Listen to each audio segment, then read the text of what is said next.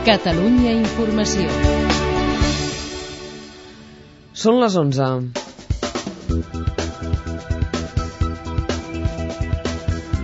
Detinguts dos joves que han participat aquest vespre en una manifestació no autoritzada pel centre de Barcelona en suport a les protestes que es fan aquests dies a Grècia. La manifestació ha acabat amb incidents i amb destrosses al mobiliari urbà.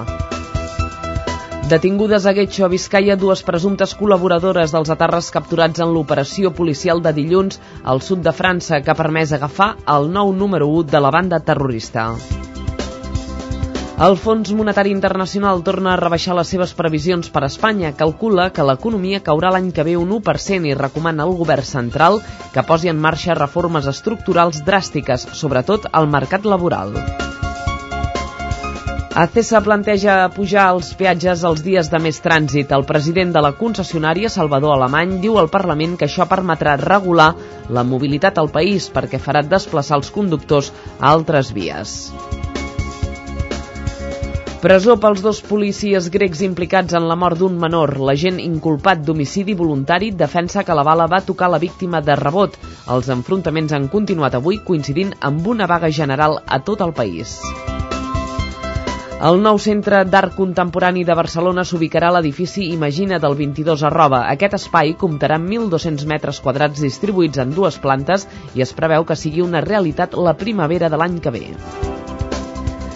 I el temps, lentament els ruixats que se situen enfront de la costa central aniran desapareixent al llarg de la nit. El cel serè s'imposarà arreu i això farà que les glaçades s'estenguin de manera general a l'interior del país. Localment podran ser intenses cap al Pirineu.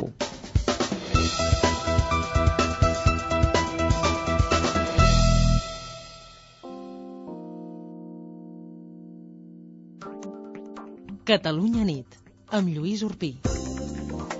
Hola, molt bona nit a tothom. Ara passen dos minuts de les 11 i comencem el Catalunya Nit de Catalunya Informació parlant d'ETA i de les dues presumptes col·laboradores d'aquesta organització que han detingut a Vizcaya aquesta tarda. Tot plegat coincideix també amb l'anunci del govern espanyol que farà canvis en la política penitenciària. L'executiu espanyol acosta a Euskadi una desena de presos a tarres històrics crítics amb la lluita armada i els trasllada a centres penitenciaris d'Aragó i Astúries. En parlarem amb el president d'Euskal Cartasuna, Unai Ciarreta. I parlarem també dels pressupostos de l'Estat per l'any que ve amb el secretari d'organització del PSC, José Zaragoza.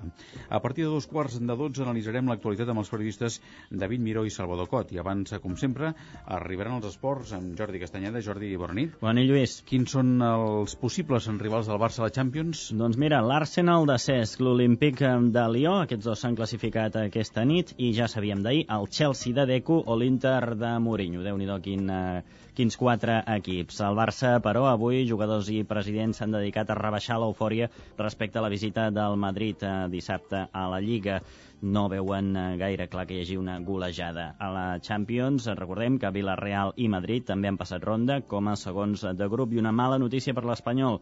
De la Penya serà baixa entre 3 i 4 setmanes a causa d'un trencament al sòlid del peu dret. Molt bé, gràcies a Jordi. Fins després. Fins després. I ja sabeu que ens podeu fer arribar els vostres correus a l'adreça del programa catalunyanit arroba catradio.cat.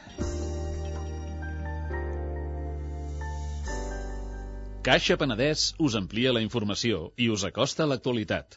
Les notícies més destacades a fons. Caixa Penedès. Persones al servei de persones. Ara passen 4 minuts de les 11. Al País Basc continuen les detencions relacionades amb ETA. Aquest vespre, com us dèiem, la policia ha arrestat a Quetxo, a Vizcaya, dues presumptes col·laboradores de l'organització armada com a conseqüència de l'operació policial que va permetre detenir el considerat cap militar d'ETA, Aitzol Iriondo. Eva Godassa, bona nit. Bona nit. Segons fons de la lluita antiterrorista, una de les detingudes és Maribel Prieto, que compartia pis amb una de les presumptes atarres que van arrestar fa dos dies a Irún. L'altra detinguda aquest vespre és Maria de les Mercedes Alcocer, que segons les mateixes fonts ajudava membres d'ETA a passar la frontera entre Espanya i França. Mentrestant, el presumpte cap militar d'ETA, Zol Iriondo, i els altres dos suposats atarres, detinguts dilluns al sud de França, ja són a París. Tots tres passaran a disposició judicial abans de demà passat, que és quan s'acaba el termini màxim de quatre dies que poden ser retinguts per la policia. I mentrestant, com us dèiem, el govern espanyol ha modificat la política penitenciària en relació amb els presos d'ETA. Els reclusos que aposten pel diàleg els estan traslladant a presons situades més a prop del País Basc, més a prop d'Euskadi. Joaquim Lledó, bona nit. Hola, bona nit. El govern espanyol ha compensat el canvi d'actitud d'històrics com ara Francisco Mújica Garmendia, Paquito, José Luis Urrusolo Sistiaga o Valentín Lasarte, que ara defensen la negociació i critiquen la lluita armada. Tots tres figuren entre els 10 presos que estaven en presons andaluses i que han portat a centres penitenciaris d'Astúries i Aragó. En el sentit contrari, el govern central està castigant els reclusos d'ETA de la línia dura i els allunya del País Basc. És una nova estratègia que ha anunciat el ministre de l'Interior, Alfredo Pérez Rubalcaba. Hay que hablar de acercamientos y de alejamientos. Y eso explica un poco mejor la política en materia penitenciaria. Pero yo creo que se entiende muy bien. El govern d'Ibarretxe no hi està d'acord. En unes declaracions a Catalunya Ràdio, el conseller de Justícia, Josep Azcárraga, s'ha mostrat partidari d'altres sortides. Una vez más se, entra en, se cae en el error, ¿no? Buscar la división por el traslado de unos sí, otros no, pues pues no creo que avance absolutamente nada. Yo creo que el objetivo tiene que ser fundamentalmente terminar con un proceso de dispersión de los presos. Per Azcàrrega s'hauria de concentrar tots els presos d'ETA en una sola presó per poder facilitar el debat entre ells. Gràcies a Joaquim Lledó. La família d'Ignacio Uria, l'empresari assassinat a Pareta Azpeitia, es concentrarà cada dimecres d'aquestes festes de Nadal al lloc on la setmana passada hi va haver l'atemptat. Bilbao, Dani Gómez, bona nit. Bona nit. Expressar el dolor que pateixen i mantenir viu el record d'Ignaci Uria és el que volen els seus familiars amb la concentració que han celebrat avui al lloc de l'atemptat. Una concentració silenciosa de 15 minuts que pensen repetir setmanalment tots els dimecres durant aquestes festes de Nadal. La vídua, Manoli Aramendi, molt afectada encara per la pèrdua del seu marit, no ha estat present en aquesta primera protesta silenciosa, però no es descarta la seva assistència en les pròximes cites. A través d'una nota, la família de l'última víctima d'ETA ha agraït tots els missatges de condol condol i totes les mostres de suport rebudes els últims set dies. ANB continua conservant mentrestant l'alcaldia d'Espeitia, però és un govern en minoria des que Eusko Alcartasuna i Aralar van trencar el pacte local perquè el grup independentista il·legalitzat es va negar a condemnar l'assassinat de l'empresari guipuscoà. Aquesta setmana les direccions del PNB i d'Eusko Alcartasuna es reuniran per analitzar la possibilitat de presentar una moció de censura contra l'alcalde Iñaki Raskin. Si prosperés aquesta iniciativa, el PNB, el partit més votat a Espeitia en les últimes eleccions municipals, recuperaria aquest ajuntament que va perdre pel Pacte 3 que van signar ANB, Aralar i Euskal Cartasuna, un pacte local que ETA ha fet saltar amb aquest atemptat pels aires. Gràcies, en Bilbao. Dani Gómez, per cert que els ministres de l'Interior, Alfredo Pérez Rubalcaba i de Foment, Magdalena Álvarez, s'han reunit avui a Bilbao amb la patronal basca per estudiar les mesures de seguretat de les obres del tren de gran velocitat a Euskadi. Recordem que l'empresari assassinat Ignacio Uria era propietari d'una de les empreses que construeixen el TGV precisament al País Basc. Canviem ara de qüestió. La investigació oberta pel govern espanyol sobre els vols de la CIA amb Roma a Guantánamo conclou que aquests avions no van aterrar mai a Espanya. El que sí ha constatat el Ministeri d'Afers Estrangers és que José María Aznar va autoritzar escales per a casos d'emergència. Moratinos ha explicat al Congrés que no s'ha trobat la documentació publicada a la premsa sobre aquests vols. El ministre ha anunciat que s'investigarà la desaparició d'aquests informes claus per provar que es van autoritzar els vols de la CIA. Ara bé, ha dit també que les conclusions de la investigació s'han basat en una nota que aparegut ara nova titulada Sol·licitud dels Estats Units d'escales aèries en cas d'emergència.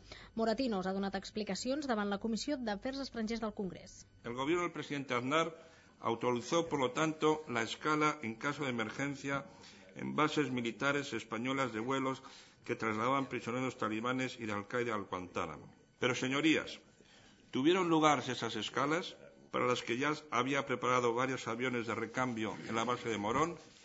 La respuesta és no. Moratinos ha negat que el govern del PSOE hagi autoritzat escales de vols de la CIA i ha assegurat que continuarà col·laborant amb la justícia per aclarir els fets.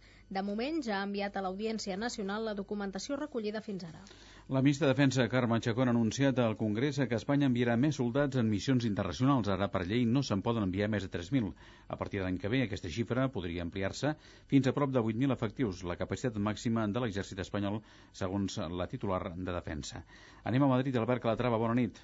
Hola, bona nit. El límit dels 3.000 soldats és obsolet, és l'argument de la ministra de Defensa que ha anunciat que a partir de l'1 de gener del pròxim any el govern espanyol podrà enviar a l'exterior els efectius que consideri oportú sense limitacions numèriques.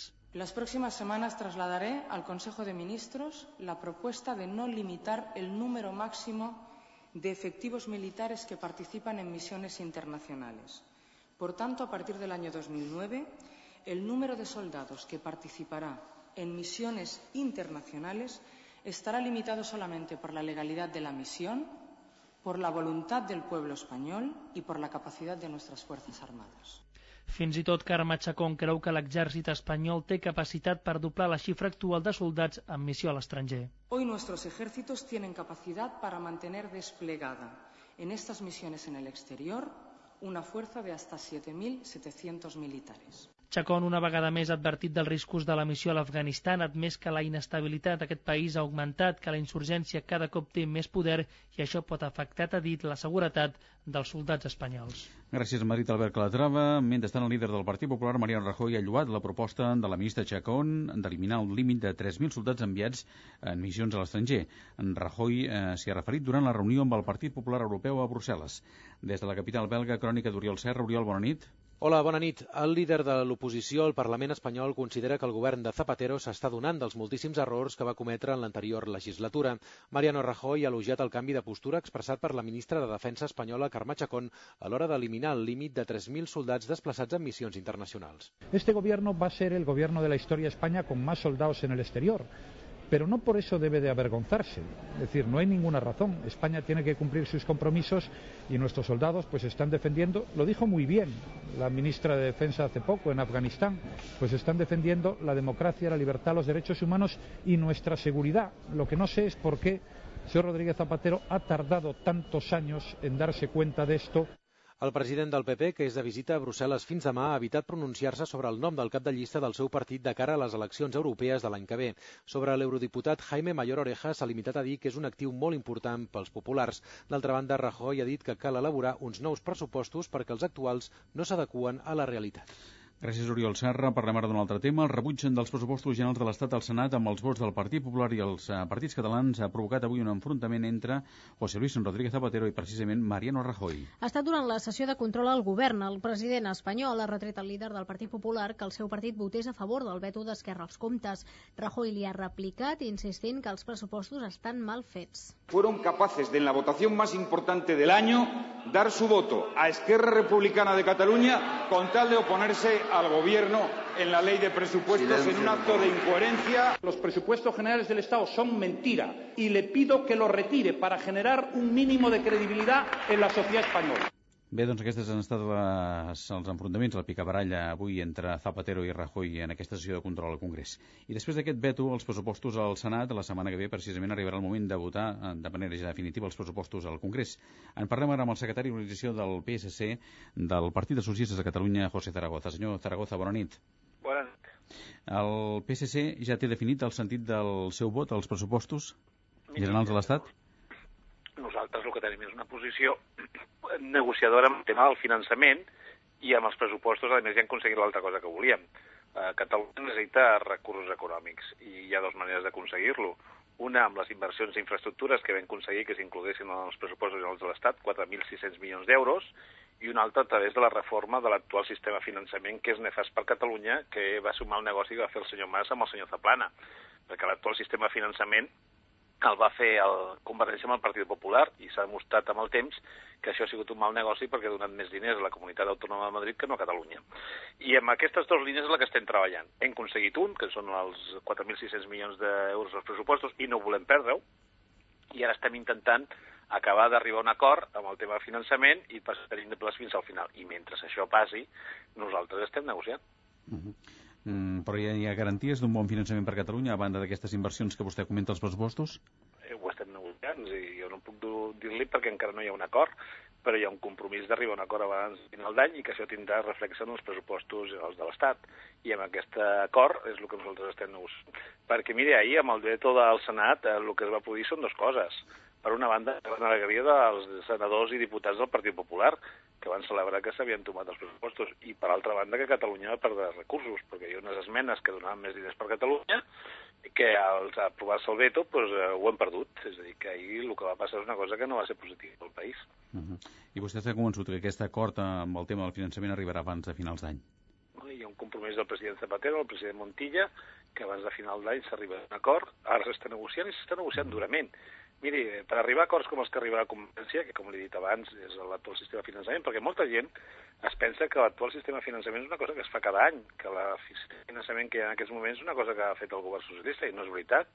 L'actual sistema de finançament és de l'any 2001 és un sistema de finançament que va negociar el senyor Mas amb el senyor Zaplana i que fa, va sortir un estudi que demostra amb números que va ser un mal negoci per Catalunya, perquè en aquest tema de finançament, amb liquidació del que s'ha cobrat, la mitja d'increment dels ingressos de les comunitats autònomes de règim comú va ser del 32%, Madrid va aconseguir eh, el 41% i Catalunya el 30%, és a dir, que Madrid va crear 10 punts per sobre de la mitja i Catalunya està per sota de la mitja. Això va ser un mal negoci que ara el president Montilla està arreglant amb la seva habitual paciència i fermesa, que és el que estem fent ara, negociant per aconseguir un millor acord. Per arribar a acords com els de Convergència ja podríem haver fet fa, fa temps, però com que estem sent molt exigents, l'acord no arriba. Uh -huh. Uh, pel que fa a aquests, als pressupostos que abans uh, comentàvem, el fet que Esquerra Republicana i Iniciativa per Catalunya Verds, uh, que són socis seus de govern a Catalunya, votessin en contra uh, d'aquests pressupostos de l'Estat, suposa algun problema? Jo crec que és un error. Jo crec que amb això uh, s'han equivocat perquè l'estratègia és negociar fins al final. La negociació és fonamental. Nosaltres, en aquests moments de crisi econòmica, què tenim tants problemes per la situació de crisi mundial que ens ha fet a les nostres empreses, als nostres treballadors, el que necessita el país és estabilitat, el que necessita el país és força negociadora, el que necessita el país són recursos econòmics. I per fer front a la crisi econòmica a Catalunya, amb tots els problemes que tenim, el que necessitem són inversions en infraestructures. I això només ho donen uns pressupostos aprovats, no votar en contra, sinó eh, negociar. I jo crec que amb aquest tema eh, s'han equivocat i s'han deixat arrastrar pels interessos electorals del Partit Popular. Fixi vostès que ahir, quan es va votar el veto, els que van cridar d'alegria van ser els senadors del PP.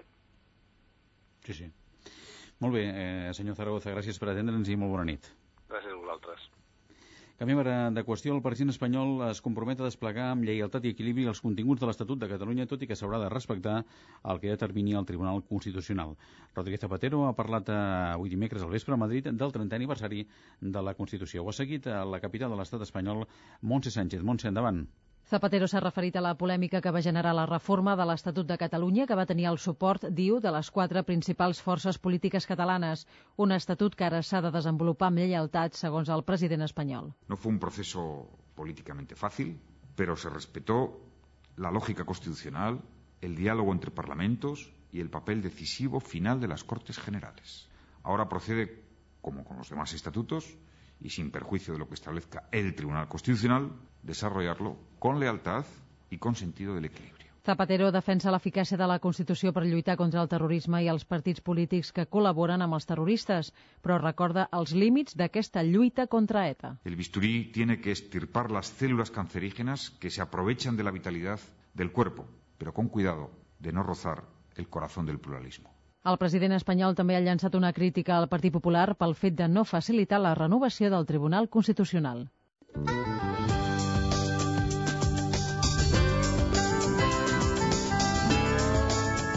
Mig quart. Ara passen 3 minuts d'un quart de 12. Anem ara al País Basc per parlar amb el president d'Euskal Cartasuna, Unai Ciarreta. Señor Ciarreta, bona nit, buenas noches y gracias por atendernos. Gabón. ¿En qué valoración hace de la detención de dos presuntas colaboradoras de ETA que se ha producido esta tarde en Vizcaya?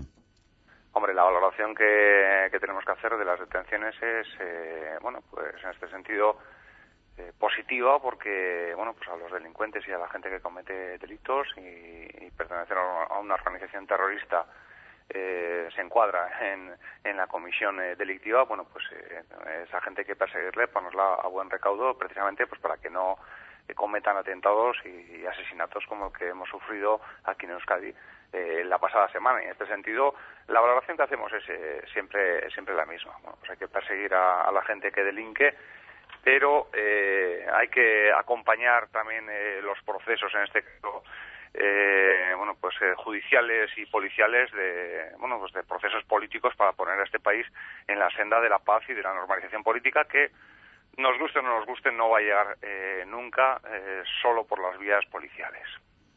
Por tanto, lo que comenta usted es que sin proceso político no se va a acabar ETA. Bueno, a ETA hay que perseguirla y yo creo que esa es la clave, ¿no? Pero nosotros eh, siempre hemos defendido, eh, bueno, pues siempre hemos defendido la vía del diálogo, la vía de la negociación, la vía del acuerdo, eh, la vía del reconocimiento, en definitiva, de, de la existencia de un eh, conflicto o de un problema que tiene hondas raíces políticas, ¿no? Y las, los problemas políticos se tienen que resolver eh, por vías eh, políticas, ¿no? Y vuelvo a decirlo, eh, a la gente que comete delitos hay que ponerla a buen recaudo para que no sigan cometiendo eh, delitos, pero aquí existe un problema de raíz política y habrá que buscar una solución también desde una perspectiva política, es lo que siempre hemos defendido y lo vamos a seguir defendiendo. Mm, lo que pasa que tal como están las cosas, mm, ¿usted ve posible a corto plazo que se pueda reabrir un proceso político? Lo veo francamente complicado, eh, pero bueno, la experiencia está demostrando y nos está demostrando permanentemente que con, con la violencia terrorista no se va a acabar únicamente exclusivamente por vías políticas. Eh, hace tres semanas el eh, jefe, digamos, de, de, ETA era Cherokee. Eh, tres semanas, eh, bueno, pues después detienen al, al, al, que era hasta el día de, de hoy, el, el día de ayer, el eh, nuevo jefe de la banda terrorista, pero ya hay otra persona que está ocupando su lugar, ¿no? Y esto es un eh, esto es un proceso que yo lo, llevo viviendo toda mi vida, ¿eh? toda mi vida y, eh, en este sentido vuelvo a decirlo, eh, al terrorismo hay que combatirlo. Eh, hay que perseguirlo, hay que poner a la gente que comete delitos a buen recaudo, pero aquí en Euskadi existe un conflicto político, existe bueno pues un pueblo que, que quiere decidir eh, su futuro y existe bueno pues gente que opina eh, bueno pues que, que tenemos derecho eh, a nuestra bueno pues a nuestra independencia y que también hay que facilitar eh, cauces políticos para que eso sea así no Eh, y en este sentido eh, bueno pues mm, volver a señalar lo que señalaba inicialmente. Bueno pues hay que combinar eh, esas dos vías porque vuelvo a decirlo la vía exclusivamente eh, policial se ha demostrado una y otra vez fracasada no y evidentemente hay que hay que actuar y hay que incidir en la misma línea pero sin olvidar la perspectiva política de un conflicto que duraría muchos años Mm, hablando de vías y hablando de política, ¿qué le parece este cambio en la política penitenciaria del gobierno español con el acercamiento de algunos presos de ETA a cárceles más cercanas a Euskadi? Bueno, pues entra un poco en el, en el esquema de la utilización de, una política eh, penitenciaria que entiendo yo tendría que ser más neutra, porque a fin de cuentas eh, los derechos son derechos objetivos que los tienen eh, los presos todos.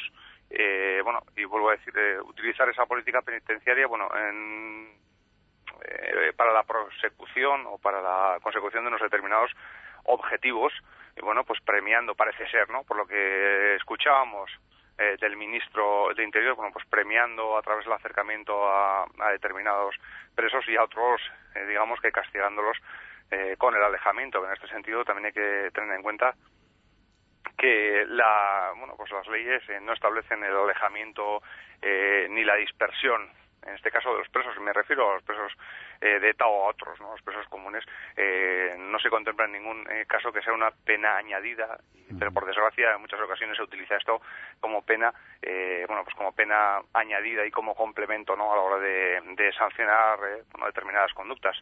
Eh, pero bueno, bueno, en este sentido nosotros hemos defendido como partido político que bueno que los, eh, los presos tienen que estar eh, lo más cerca posible de sus eh, lugares de, de, origen en este sentido por los presos de, de ETA si, si han nacido eh, en Euskadi bueno pues tendrían que estar en, en cárceles de Euskadi porque vuelvo a decirlo al final los familiares con ese tipo de políticas de alejamientos y tal quienes verdaderamente eh, sufren son pues quienes eh, en muchos casos menos culpa tienen, ¿no? que son los familiares, que son los que tienen que hacer grandes desplazamientos, pero eso eh, eso es extendible no solo a los presos, como digo, de ETA, sino también a los presos comunes, ¿no? Y bueno, pues eh, esa es un poco nuestra posición. Habrá que ver eh, qué juego da eh, pues esta nueva política diseñada ahora por el señor eh, Pérez Rubalcaba.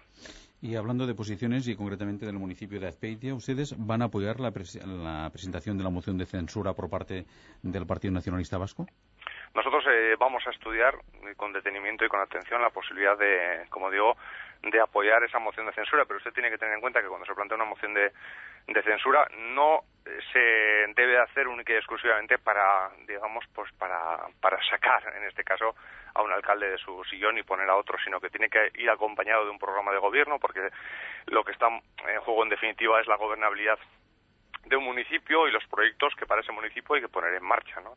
Y en este sentido nosotros en Azpitia, en el momento en que se cometió el asesinato de, de Ignacio Uría y vimos que no había un pronunciamiento claro por parte de la ANV, abandonamos inmediatamente eh, bueno, el equipo de gobierno y, bueno, pues se ha planteado, se está planteando por parte del Partido Nacionalista Vasco la necesidad de contemplar el planteamiento de una eh, moción de censura y yo sí le puedo asegurar a usted que lo, que lo vamos a estudiar con eh, rigor, con análisis y si tenemos que, si consideramos eh, adecuado y si bueno pues eh, nos movemos todos en los términos correctos eh, no le quepa a usted ninguna duda de que Euskal Cartasuna apoyará esa moción de censura. Uh -huh. mm, ¿Cuándo se van a reunir con el PNV? Pues con el PNV vamos a tener una reunión mañana. -huh. Casi lo sabe usted en primicia, porque no sé si ha salido eh, algo en los medios de comunicación, pero vamos a tener una reunión eh, mañana en una sede eh, nuestra en, en Gasteiz, ¿no? Bueno, para tratar de, esta cuestión y vuelvo a decirlo, ¿no? nosotros tenemos disponibilidad, así lo hemos manifestado, hay que hablar evidentemente de gobernabilidad, hay que hablar de, de programas y bueno, pues hay que hablar también de, de, otras cuestiones, nos tendremos que juntar en principio los tres partidos que estamos actualmente en la oposición para ver si somos capaces entre todos de, de conjugar, bueno, pues los intereses de, de los tres partidos y lo que sea más beneficioso para los eh, ciudadanos y ciudadanas de, de Azpeitia. Hablando de la gobernabilidad, hoy en esta casa José Azcárraga ha dicho que sería partidario de repetir el tripartito si la ley médica parlamentaria lo permite. ¿Usted también sería partidario de volver a apostar por un ejecutivo como el actual? Yo creo que el, el tripartito ha funcionado bien. Eh, bueno, pues eh, ha resuelto con acierto y con éxito eh, bueno, pues eh, los problemas que se han ido planteando, las, las diferentes cuestiones que se han ido eh, planteando y en este sentido no veo que sea una fórmula eh, o sea, creo sinceramente que es una fórmula que se puede eh, repetir, pero en todo caso habrá que ver qué dan los números y a, ahora hablar de, de, fórmulas de gobierno es hacer cábalas, ¿no? Uh -huh. Veremos a ver qué sucede el día después de las elecciones, pero vuelvo a decirlo, yo creo que, eh, y así lo vemos en el Suárez Personal, el tripartito está funcionando bien, ha funcionado bien y evidentemente es una fórmula también de futuro. Mm, ¿Piensa que la izquierda Berchale va a estar de alguna manera representada en estas próximas elecciones al Parlamento de Vitoria? Pues desgraciadamente, digo desgraciadamente porque nosotros, como usted sabe, siempre hemos defendido eh, bueno, pues la inconstitucionalidad de la, de la ley de partidos, porque entendemos que a fin de cuentas lo que no se puede hacer es hurtar a la ciudadanía eh, bueno, pues de, votar a las opciones que verdaderamente quisiera votar. Y aquí hay que, no hay que olvidar que la pues tiene un respaldo social, que es cierto que ha ido menguando, pero que es un respaldo social importante. Y, pero digo que desgraciadamente, desde esa óptica que la acabo de mencionar, me da la sensación de que la decisión de si la izquierda Berchale debe o no debe estar en las elecciones depende lisa y llanamente de la voluntad del partido en el gobierno, en este caso del Partido Socialista Obrero eh, Español. Y veremos a ver, en función de lo que eh, mejor vengan los cálculos electorales de ese partido, quizás aquí en Euskadi, el Partido Socialista de Euskadi, pues el, eh, la izquierda de Berchale estará presente o no estará presente en las, en las elecciones autonómicas del próximo mes de marzo. Es así. Señor Ciarreta, uh, Boronit, buenas noches y gracias uh, por atendernos. Gabón, Ugur.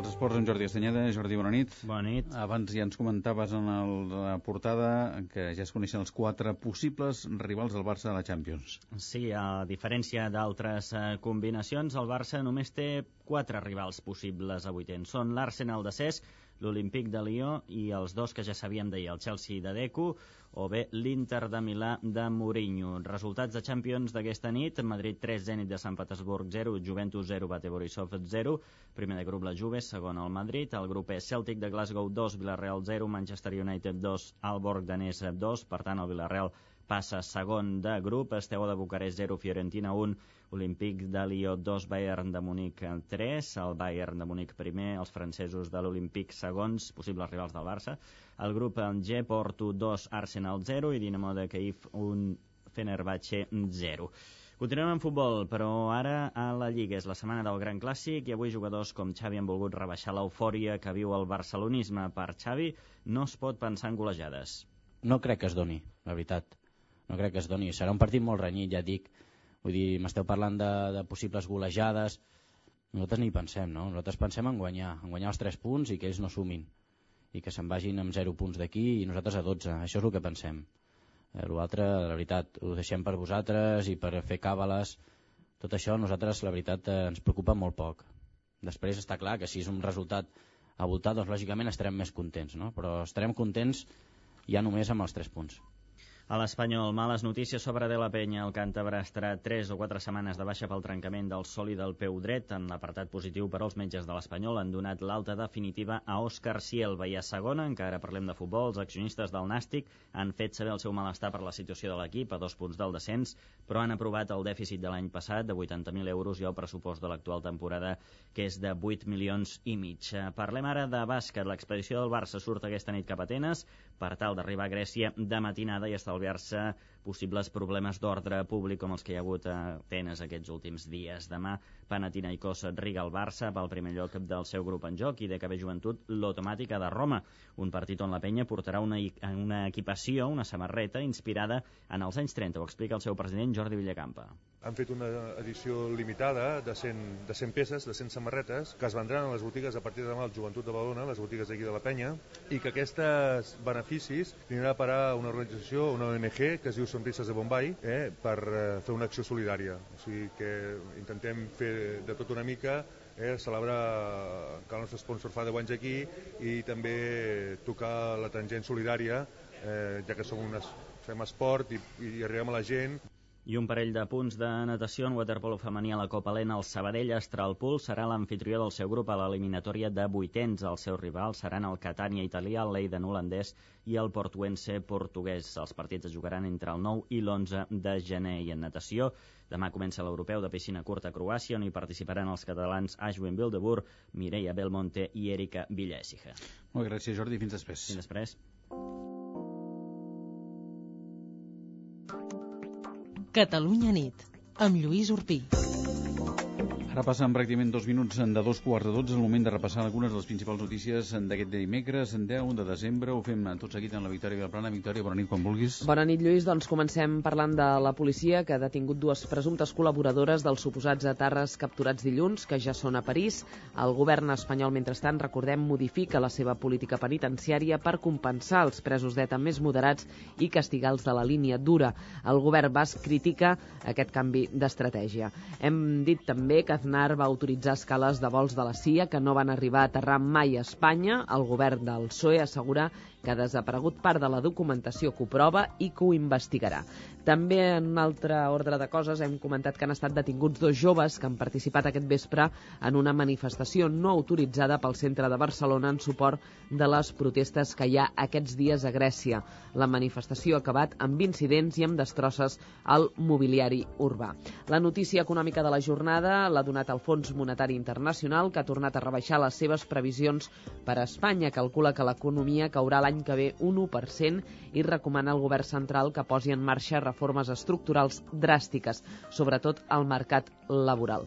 Pel que fa al temps, lentament els ruixats que se situen davant de la costa central aniran desapareixent al llarg de la nit. El cel serè s'imposarà arreu i això farà que les glaçades s'estenguin de manera general a l'interior del país. Localment podran ser intenses cap al Pirineu.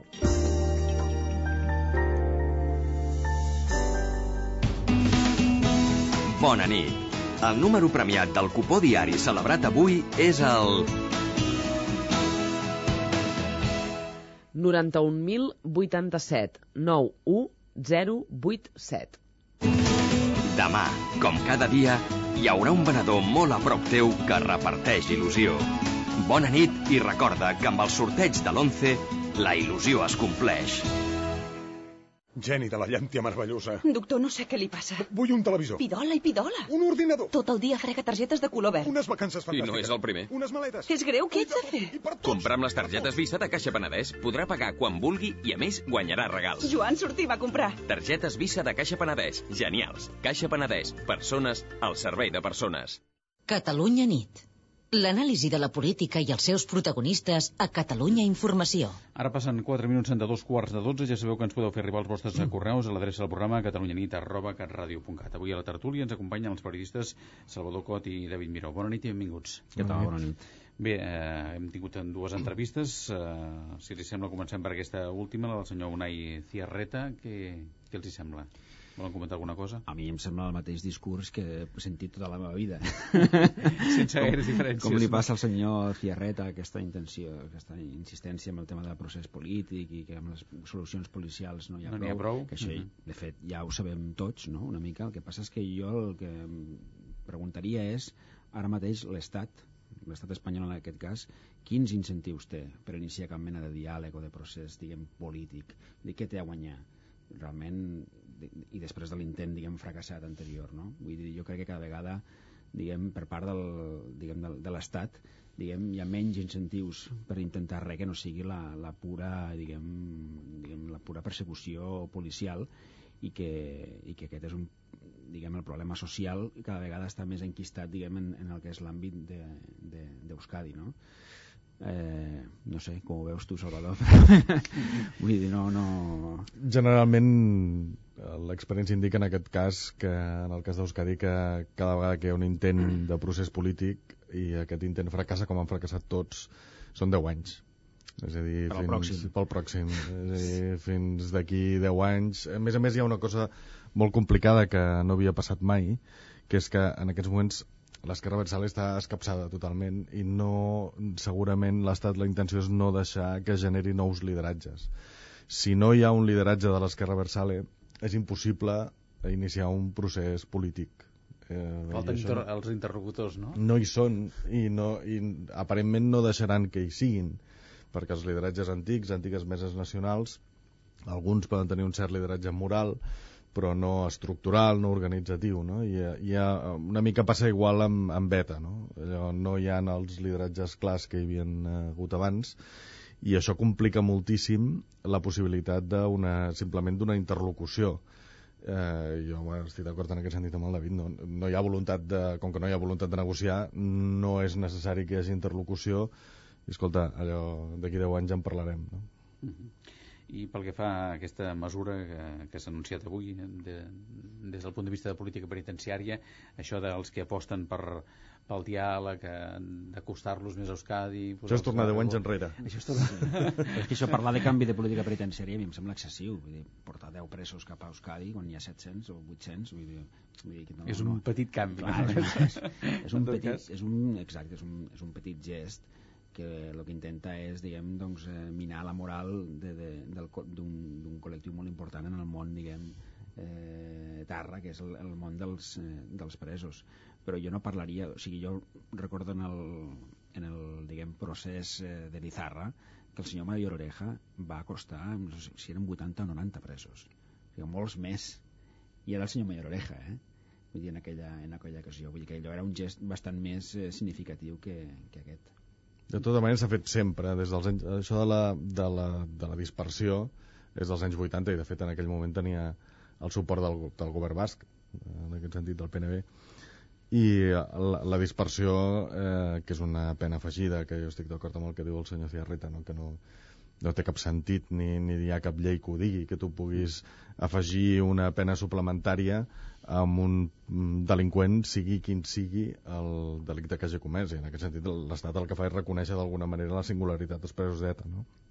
Però dit això, eh, això només serveix per... i no s'ha deixat de fer mai, en realitat, eh? això només serveix per premiar casos puntuals, casos personals, de gent que doncs, enfrontat amb l'organització, el que sigui, i que són gent que automàticament dins de l'organització deixen de tenir cap mena de pes i, i es busquen una sortida personal però ja et dic, és, és una mica retornar si s'ha si acabat aquest procés doncs escolta, tornem tots a la posició de partida no? i la posició de partida de l'Estat era la dispersió i diguéssim la pastanaga de, dels casos personals i s'ha tornat a aquesta situació i prou no té més. Segurament a diferència amb altres casos, diguem, altres processos eh, fallits, eh, en aquest cas, eh, des de l'Estat a mi em sembla que està la percepció de que realment el món etarra i tot el que l'envolta doncs, estan molt, és més feble que mai. i això, diguem, objectivament és així, des de tots els punts de vista, des del punt de vista organitzatiu, des del punt de vista de suport social, des del punt de vista operatiu, la mateixa ETA no és la ETA de fa 10 anys o 15, vull dir que, diguem, la sensació que es té és de, de, de que l'Estat, des del punt de vista de l'Estat, doncs que tens els triomfos a la mà i que només has d'anar esperant, diguem, eh, que això vagi, vagi caient. Evidentment, segurament, i té raó el senyor, té raó el senyor Ciarreta quan diu que això no s'acaba només amb la via policial, mm. però sí que és veritat que ho pots minimitzar bastant. I, en fi, jo crec que l'Estat abans, o sigui, parlava abans dels incentius, clar, sense ETA tenim un problema polític bastant greu al, al País Basc, tenim una majoria que reclama un canvi substancial diguem, del, del seu estatus polític. Mentre hi, ha, mentre hi hagi ETA és l'excusa perfecta per no abordar aquest problema Sí, sí, fins i tot per eliminar políticament l'expressió de tota aquesta gent, no? que és una expressió a banda de la qüestió de la violència que, eh, dins de, cada, de cadascun dels votants doncs, hi ha una posició personal no? i que hi ha un ventall molt ampli, però és cert que això deixa fora de joc un, en aquests moments segurament deu ser doncs, un 10% de la població. No? Això és cert. Mm -hmm. per tant, eh, vostès el pronòstic que fan sobre la situació és que anarà com vostè deia, senyor Miró, anarà, caient, anarà caient, anarà caient, però clar, allò de que s'acabi sembla realment complicat. Acabar-se, acabar-se del tot és molt difícil tenint, el, diguem, sent un, un fenomen d'aquestes eh, característiques i a més a més sempre hi ha el perill de diguem, de, de, de... clar, això el terrorisme diguem, és molt fàcil matar una persona també és molt fàcil posar una bomba en un súper i això ho pot fer amb una, una infraestructura mínima. Vull dir que això no, no diguem, aquest tipus de terrorisme sempre, sempre serà factible. El que serà molt més difícil és eh, campanyes sostingudes d'assassinats eh, individuals o, o, o altres coses com segrestos, o grans accions, grans o grans accions terroristes. que, re, diguem, que requereixen una gran infraestructura i una gran organització, això segurament ja serà cada vegada més complicat. Ara, eh, però és clar, vull dir, diguem, des del punt de vista d'ETA, diguem, la teva posició cada vegada també és més feble per, per, per forçar una, una, una negociació. La negociació sempre és quan l'altre es veu obligat. Mm. I si l'Estat ara mateix pensa que té les de guanyar, doncs, diguem, és això, no té, no té, no té cap incentiu. Jo, en aquest, jo, vaja, jo crec que o sigui, soc pessimista en el sentit de que no hi haurà una resolució a, a, a curt termini del, del, del fenomen eh, però també diguem, vull pensar de que aquesta situació farà diguem, repensar molta gent de, dins del, del món de l'esquerra verxale de que estem en un atxucac i estem en un, diguem, en un carreró sense sortida i que aquí diguem, el meu pare sempre deia que la vida no, no el que no s'ha de fer mai és fer el ridícul i el, i el, diguem, el, diguem, el perill ara d'ETA de, de, de, de diguem, és acabar d'una manera bastant diguem, patètica, per dir-ho d'una manera no? aquest és el perill real uh -huh. Que passa que hi ha un nucli, que sempre passa, eh? hi ha un nucli de 500, 600, 700 presos entre França i Espanya que generen al seu entorn doncs, eh, un moviment, de, sempre es calcula que hi ha unes 50 persones directament interpel·lades per cada pres i això et porta amb, una, amb un nucli dur molt important de gent que no que estarà disposada d'allà sortirà gent disposada a fer qualsevol cosa no? i agafar agafar una pistola i, i el que sigui. Si, en aquest sentit, eh, si, si estats com el francès, posem per cas no han acabat amb el terrorisme cors, o si estats com l'espanyol eh, encara s'han estat allò 30 anys amb el grapo i encara no és segur que algun dia d'aquests el grapo torni a matar algú, eh, és molt difícil acabar per la via policial. El que passa que és cert que políticament l'Estat aquí no hi té, no l'Estat, el PSOE no hi té res a guanyar en aquests moments, no? Uh mhm. -huh. I és possible que, jo, jo era més optimista amb, amb la treva del PP, no? perquè dius, si algú pot fer-ho això, si algú pot uh, fer un pas endavant i, i efectivament allò fer alguna cosa decisiva per normalitzar políticament el País Basc, és la dreta espanyola, però no per res, sinó perquè l'esquerra no suporta la pressió mediàtica que li fa, que li fa la dreta cada vegada que s'obre un procés d'aquest tipus. No? Mm -hmm. I és possible, qui sap, igual en el, quan hi hagi un canvi de signe polític, doncs que algú intenti, però és cert que té poc premi té poc premi a hores d'ara. Mm -hmm. Un minut i arribarem al punt de tres quarts de estem fent tertúlia al Catalunya Nit amb Salvador Cot i David Miró. Què en pensen del que ha dit el senyor Zaragoza sobre els pressupostos de l'Estat, eh? la posició del, del PSC i sobre el finançament? No m'agradaria estar en la posició del PSC. no, perquè el senyor, el senyor Zaragoza i els senyors del PSC ho estan passant malament. I objectivament, políticament, diguem, és un mal moment per ells. I ells han estat aquí jugant aquesta carta de, de no, no, no, no, no ho han dit de, de forma explícita, però sí ho han dit diguem, de forma més o menys amagada de que podien arribar a no votar els pressupostos i tal i ara es veu doncs, primer que aquesta és una opció inviable segurament mm -hmm. diguem perquè el PSOE no se l'ha cregut mai tampoc a més diu que aconseguiran 4.600 milions més per Catalunya ah, en aquests pressupostos això, tant... això, és, això és una realitat això és veritat sí. eh, amb això li hem de donar la raó al senyor Zaragoza el que passa és que llavors no ve, diguem, no, no haver jugat amb aquesta altra opció no? Mm -hmm. diguéssim, si des d'un primer moment ja s'havia d'acabar així eh, i ara tot el, diguem, tot el seu, totes les esperances arribar a final d'any, el dia 31 amb algo amb alguna mena de, alguna cosa que els permeti salvar una mica la cara, perquè és que si no, l'1 de gener, què farem? Vaja, i, no, i re apunta, no sé, però no, és que sentint el senyor Solves jo no li veig que tingui una, grans, un gran interès en, en... i a més a més les altres comunitats autònomes tampoc en tenen massa, vull dir, és una, és una situació molt estranya. Avui el senyor conseller de la Rioja el consejero de Hacienda i tal, diu que no en tenia tantes prises. Tantes prises, és que hi ha un estatut que marca un termini, no? I que és una llei orgànica, però ningú sembla que faci massa cas d'això. Que no hi hagi masses presses, podríem dir, no? Clar, però és que és veritat. Vull dir, eh, és que el govern no s'ha donat, no, no ha tingut cap mena de pressa. Vull dir, ara potser s'estaran amb la llengua fora negociant, però és que fins ara no han fet res, tampoc, no sé. Eh... El PSC sempre argumenta, i en part és cert, que ells influeixen des de dins del PSOE i és cert que tenen una influència notable que en alguns casos s'ha manifestat i que, i que pot coincidir, diguéssim, amb els interessos generals d'aquesta societat, no? la societat catalana. Ara bé, jo crec que la setmana que ve el PSC corre el risc de quedar-se fora del catalanisme. És a dir, el, el catalanisme entès com la política exercida, mm, diguéssim, com a primera prioritat la societat catalana, eh, com a compromís moral, el catalanisme sempre envia els seus representants a Madrid eh, diguéssim, amb un cert compromís moral, no exactament a fer carrera política. No? I això, que, que és el que ha distingit el catalanisme sempre i que ha passat per diverses fases, eh? i no vol dir que tothom ho hagi exercit de la mateixa manera, però de la setmana que ve pot quedar d'una forma molt clara eh, que, que, el, que el PSC té uns límits que no traspassarà mai, no? I una mica eh, d'alguna manera doncs, el comportament del PSC eh, històric amb coses com l'OLOAPA o coses d'aquest tipus eh, que el, darrerament doncs, semblava en certa manera que havien après a conjugar-los a hores d'ara per pròpia impotència del PSC, per una pressió molt gran de les resta de les comunitats autònomes, per una pressió molt gran de la, del PP, per una pressió molt gran de, de les federacions del PSOE, per eh, un cert ensemanfotisme de, del ministre Solves, de, del president Zapatero, el que sigui, corre el risc el PSC de quedar en evidència d'una forma com, com feia anys que no quedava, no? i això segurament tindrà unes certes conseqüències. No? Mm -hmm. Vostè ho veu de la mateixa manera? Jo crec que sí, que tindrà, tindrà conseqüències, però igualment segurament tindrà conseqüències negatives per al propi PSOE. Vull dir, jo tampoc entenc, des del punt de vista del PSOE, eh, quin interès tenen a deixar diguem, en evidència al PSC. És que i, i, i més d'una manera una mica... Gratuïta gairebé. Eh? Gratuïta eh? gairebé, perquè, escolta'm, si has d'arribar a un acord el 15 de gener, doncs posa't les piles i arribar a l'acord l'1 de desembre, és que no, no té cap sentit. Vull dir, és, és, és, bastant, és bastant incomprensible. I, I sobretot és el to.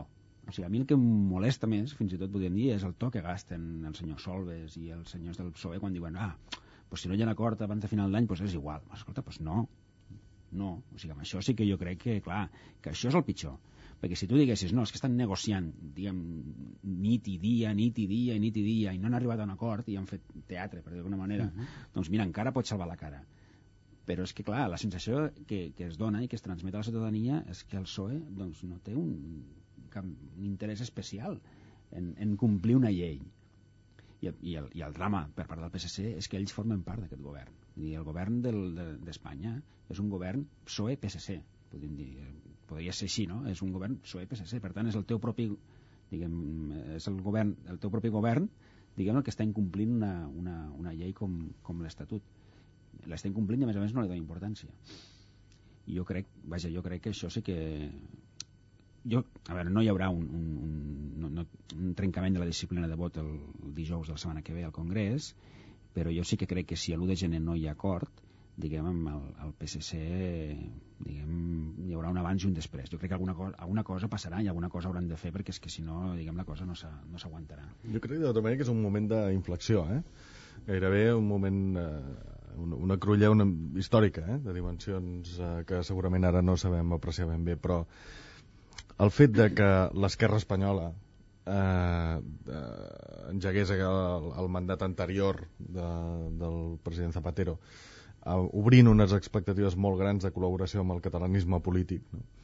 i que un per un hagi anat enganyant, perquè això és el que diuen, no? Eh, primer a Artur Mas i Convergència, acte seguit a Esquerra Republicana, fins i tot ha arribat a enganyar el Joan Saura. No? I a hores d'ara el PSC allò estigui al, al punt de, de passar pel, pel, pel mateix adreçador jo crec que això acabarà tenint conseqüències perquè en política és molt complicat fer el ridícul i sobreviure no? i fer el ridícul continuat i sobreviure jo crec que la desconfiança que hi ha en aquests moments dins de, del conjunt de les forces del catalanisme polític respecte a l'esquerra espanyola és absoluta i que segurament això també són 10 anys, eh? Allò és molt difícil que, que després, es que després es pugui recuperar no? perquè en política si tu no confies en que l'altre complirà els seus compromisos no hi ha negociació possible Uh -huh. I, i, i aquesta confiança hi havia estat jo crec que una mica pel miratge de, de, del, del gest d'autoritat de, del president Zapatero quan va retirar les tropes de l'Iraq i va dir, home, si, si aquest home és capaç de fer això és capaç de reformar l'Estat. No només això, no. o sigui, va, va engegar un procés de pau amb beta en un moment que veníem de l'època d'Aznar i es va atrevir a governar, diguem, Espanya amb el suport d'un partit independentista català sí. i amb iniciativa vull dir, vull dir que hi havia moltes més coses hi havia raons objectives per creure que realment doncs, eh, doncs que el senyor Zapatero s'ho creia i que anava diguem, a fons a, a, diguem, a apostar per, aquesta, per federalisme no? podríem dir-ne per aquesta Espanya plurinacional aquesta Espanya no? plural que ell en diu que ell en va dir plurinacional en alguna ocasió Sí. vull dir que hi havia motius objectius vull dir, no, vull dir que se'ns pot acusar alguns de, de dir, bueno, és que ja ho, ja ho havia dit i tal, però clar, és que diguem, els dos primers anys de, del govern Zapatero diguem, hi ha una inflexió quan, quan la campanya, quan, quan l'Estatut quan l'Estatut és quan tot eh, diguem, s'espatlla una mica no? però realment els inicis eren bastant prometedors no? Sí, el que passa que ha passat tothom ja per l'adreçador, no?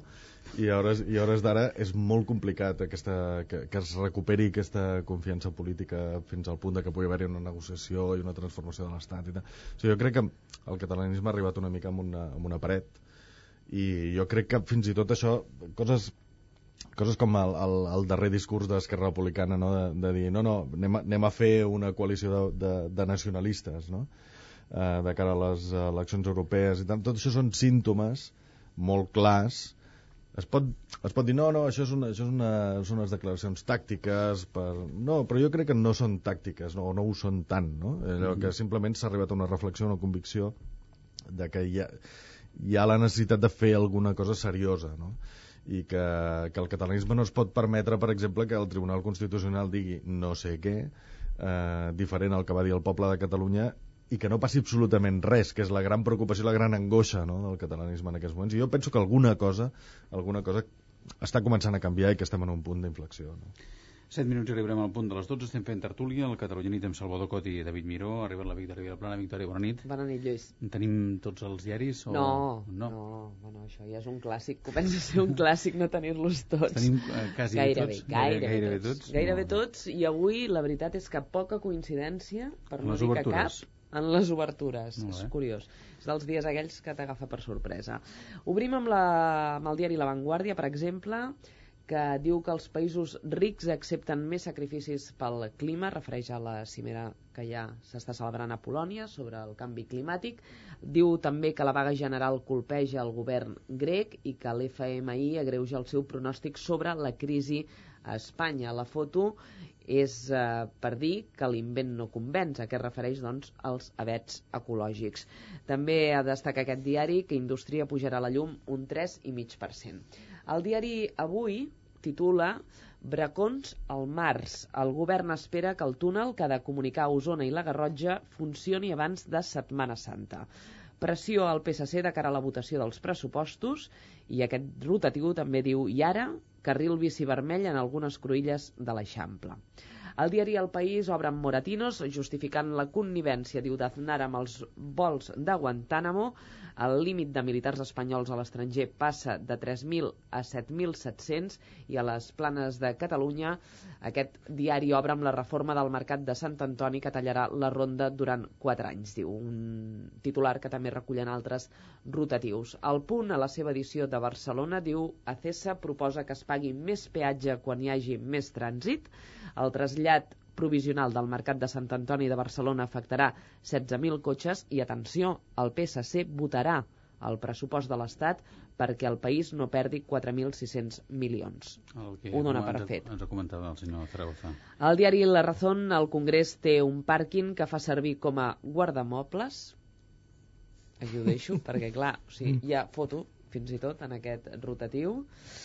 Deixa'm-el trobar, es veu perfectament, el pàrquing, amb una sèrie, no sé, recomano que se'l comprin al diari, qui vulgui, amb els mobles, sí, sí, un pàrquing amb mobles al Congrés. I l'ONU deixa Espanya sense el comandament de les forces internacionals desplegades al Líban. Pel que fa al diari ABC, la deixadesa, diu, de la Fiscalia permet a ANB continuar governant els seus feus. Defensa anuncia que podria tenir fins a 7.700 soldats a l'estranger i Moratinos diu ara que els avions de la CIA mai van tocar Espanya.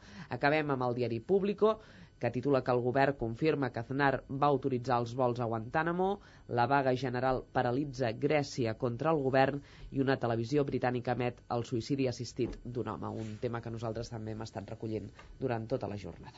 Molt bé, gràcies, en Victòria, en Vilaplana i bona nit. Bona nit. Volen comentar algun dels titulars de, dels diaris? Alguna Aquesta- cosa que els hagi cridat l'atenció? Aquesta cosa del pàrquing és el més, diguem, cridaner, no? Jo estic content perquè no es parla del Parlament de Catalunya. Veig que al Congrés també... Passen algunes coses. Per no sabem de qui són els mobles, no? Semblen mobles d'oficina, potser, o... Aviam si tenim Perquè si són, si són diu. els mobles dels diputats que estan fent un trasllat... realment- Diu l'aparcament per als càrrecs provoca eh, una altra polèmica entre la mesa i els grups perquè es considera una despesa excessiva en temps de crisi. I a banda diu eh, malgrat eh, que el conveni explicita en set ocasions que és un pàrquing per autoritats un alt funcionari ho nega davant dels periodistes. No diu res més Mhm. però ja veuen eh, els mobles aquí Llavors, que és, eh, o sigui, s'han canviat mobles i estan aquí en un parc. estan aquí, són mobles d'oficina pel que es pot veure doncs arraconats en un pàrquing Molt bé. Ves, Escolta, no hi deuen haver no, prou sigui, no cotxes. hem quedat que per sortir la crisi el govern ha d'invertir per aquí inverteix 8 milions d'euros per fer un pàrquing i això dona la feina a gent, no? Dic jo, no sé Vull dir, és que... Clar. Home, igual hi ha algun vigilant. Bueno, hem d'invertir, no? Perquè hem d'invertir vol dir fer coses. En comptes de vigilar cotxes, vigilen mobles. Vigilen els mobles, molt bé. Dels vols de la CIA volen comentar alguna cosa? Això d'aquestes escales d'emergència que estaven autoritzades, pel que sembla, pel senyor Aznar. Va, això ens ho podíem imaginar tots, no? Sí. Eh, Segurament no ens imaginàvem cap altra cosa diferent. No? Eh, exacte, sí, sí. No, es demostra que diguem, aquesta col·laboració anava més enllà de, de riure les gràcies. A mi em crida l'atenció aquesta crisi de Grècia, no? que és un- que aquesta, aquesta implosió de la societat grega eh, fins a uns extrems que són eh, difícils d'imaginar en un, en un país eh, amb una renda relativament elevada i que forma part de la Unió Europea. Però és cert que recorda una mica eh, l'ex- l'explosió de, la, de les banlieues eh, A- a França, a París, franceses, sí. no? també, o sigui que és, és, és curiós com es va traslladant tota aquesta tota, tota aquest, aquest, aquesta conflictivitat social, sobretot de la gent molt jove, de la gent dels barris, i que són capaços d'arribar a tenir explosions clarament eh, massives i molt violentes. No? Mm -hmm. Sí, barreja, em sembla, va, diferents factors aquí, no? Segur, segur. Mhm. Però eh, que, que arribin a confluir fins al punt de l'explosió i que sigui d'una forma molt Tan- massiva, tan més a més. No? sí. Molt bé, fins aquí la tertúlia. Salvador Cot i David Miró, gràcies, bona nit i que vagi molt bé. Bona Bona nit. nit.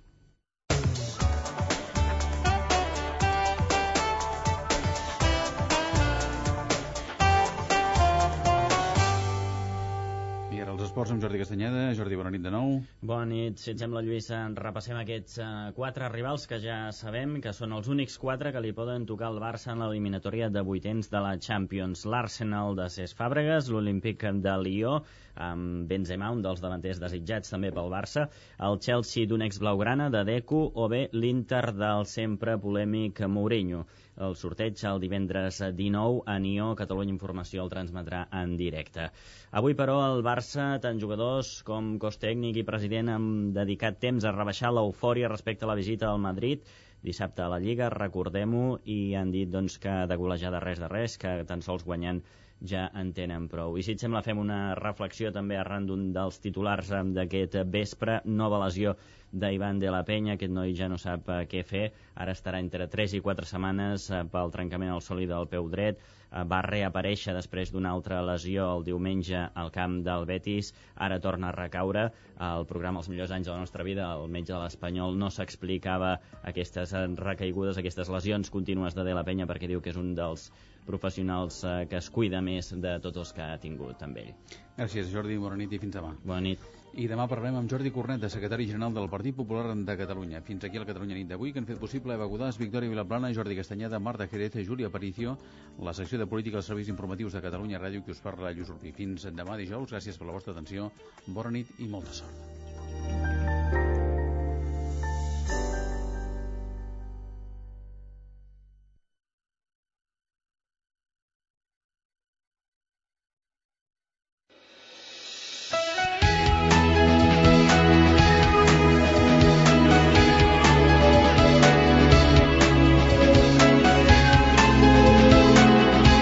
Catalunya Informació.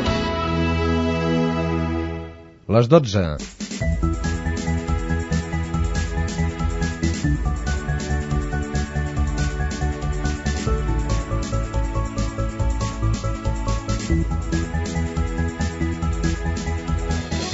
Acesa planteja pujar els peatges els dies de més trànsit. El president de la concessionària, Salvador Alemany, diu al Parlament que això permetrà regular la mobilitat al país perquè farà desplaçar els conductors a altres vies. La policia deté dues presumptes col·laboradores dels suposats atarres capturats dilluns que ja són a París. El govern espanyol, mentrestant, modifica la seva política penitenciària per compensar els presos d'ETA més moderats i castigar els de la línia dura. El govern basc critica el canvi d'estratègia. El Fons Monetari Internacional torna a rebaixar les seves previsions per l'estat espanyol. Calcula que l'economia caurà l'any que ve un 1% i recomana al govern espanyol que posi en marxa reformes estructurals dràstiques, sobretot al mercat laboral. José María Aznar va autoritzar escales de vols a la CIA que no van arribar a aterrar mai